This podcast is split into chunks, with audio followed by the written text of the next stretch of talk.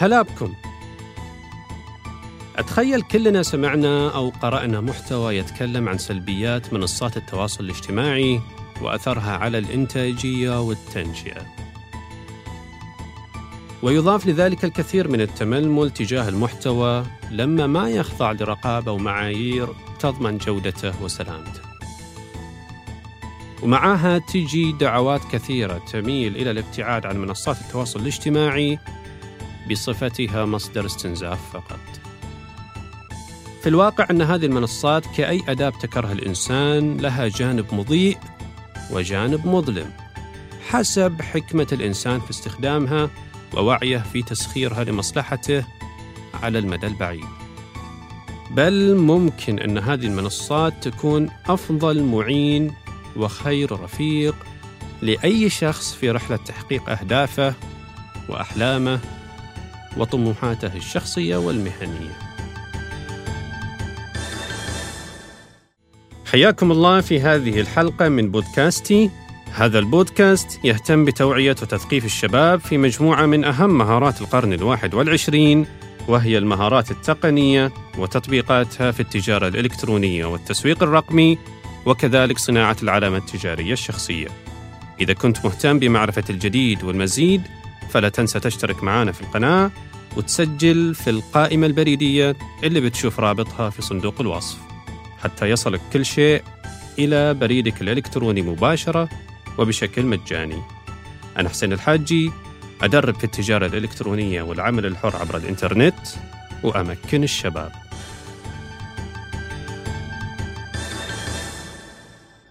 هلا بكم من جديد ونكمل القصة. نتخيل أننا الآن نستعرض timeline أو خط زمني يمر بمراحل استخدامنا للإنترنت من البدايات. في المرحلة الأولى كان دور الإنترنت يتمثل في تصفح مواقع محددة والاطلاع على محتوى محدود جدا وما كان الوصول له متاح لكل ولا حتى لأغلب الناس. جاءت بعدها مرحلة انفجر فيها عدد الصفحات والمواقع في كل مجال. وتفعلت فيها محركات البحث وصار الإنترنت مصدر مهم وقوي جدا للبحث عن المعلومات المختلفة. ومع تضاعف عدد المستخدمين تنامى دور وسائل الاتصال والمراسلة الإلكترونية بينهم. بدءا برسائل البريد الإلكتروني سواء الرسائل الشخصية أو عبر الاشتراك في المجموعات البريدية ومرورا بحبيب الملايين من الطيبين اللي هو الماسنجر أو اختصارا المسن اللي كانت تحديثاته تصبح حديث الساعة كل ما تغير فيه شيء أو أضيفت له خاصية جديدة نفس ما يحدث الآن مع الواتساب بالضبط.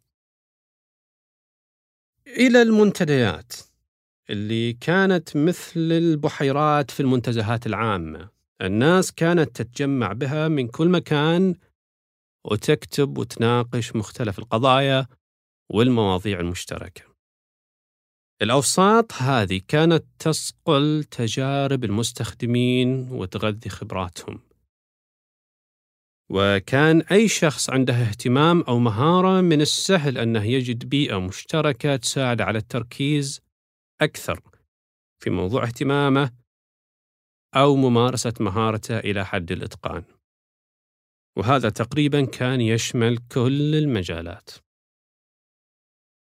إلى أن ظهرت لنا وسائل التواصل الاجتماعي والمدونات الشخصية فتلاشت القيود اللي كانت تفرضها بيئة المنتديات ومواقع المقالات والصحف والمجلات وما عاد المستخدم مضطر يكون جزء من منظومة موقع أو منتدى حتى يقدر ينفتح على العالم ويصل للقراء والمحاورين وللجمهور العريض.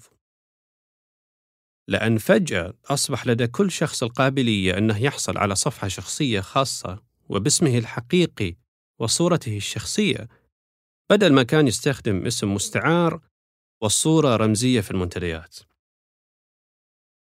وصار معه رابطه الخاص على موقع عالمي يضم ملايين المستخدمين من حول العالم ويسمح لصاحب الصفحة أنه يدير محتواها وينشر في مختلف أشكال القوالب المسموعة والمقروءة والمرئية وبشكل مجاني تماماً.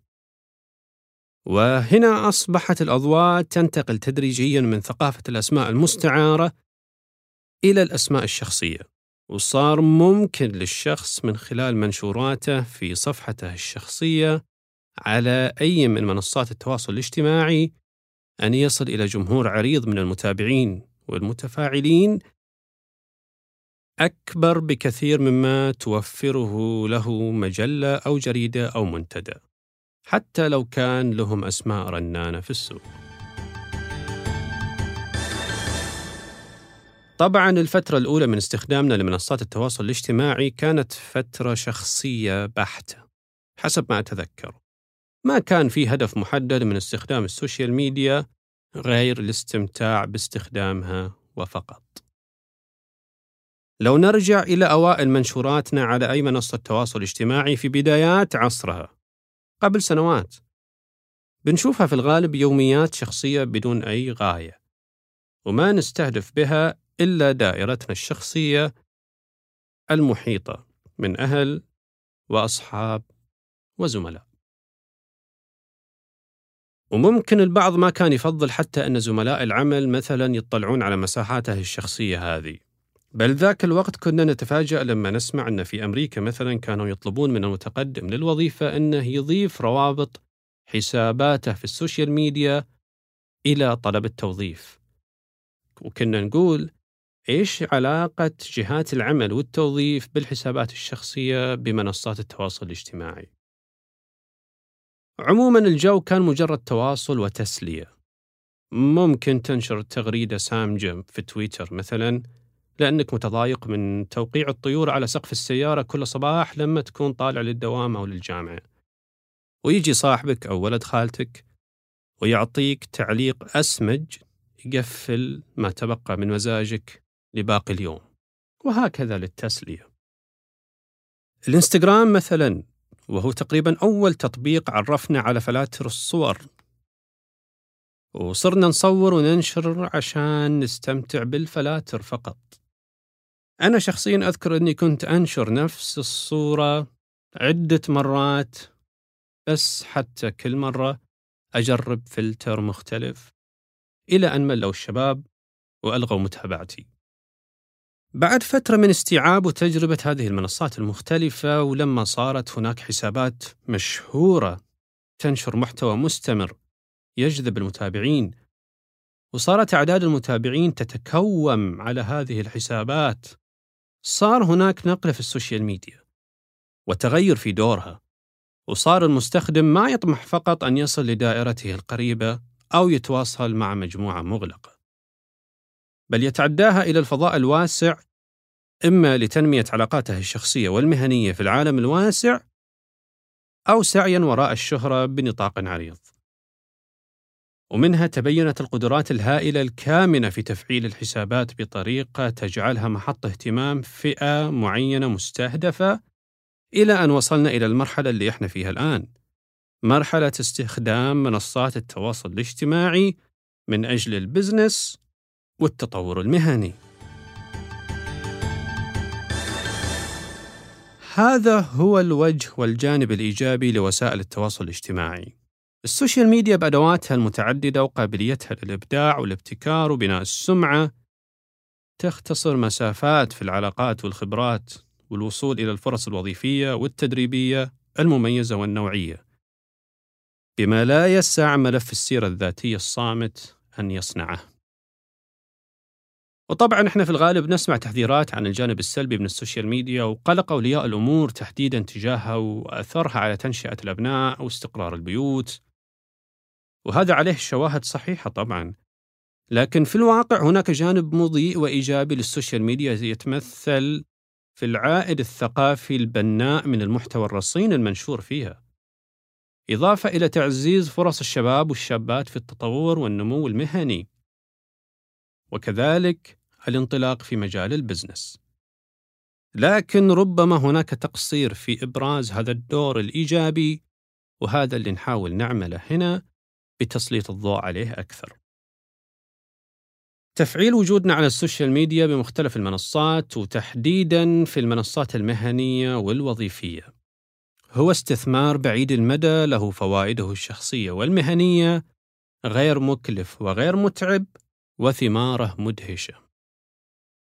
في الحلقات القادمة بإذن الله نبغى نتعمق أكثر في التعرف على أبرز الآليات المستخدمة في هذا المجال وكيف ممكن نوظفها لصالحنا فخليكم قريب.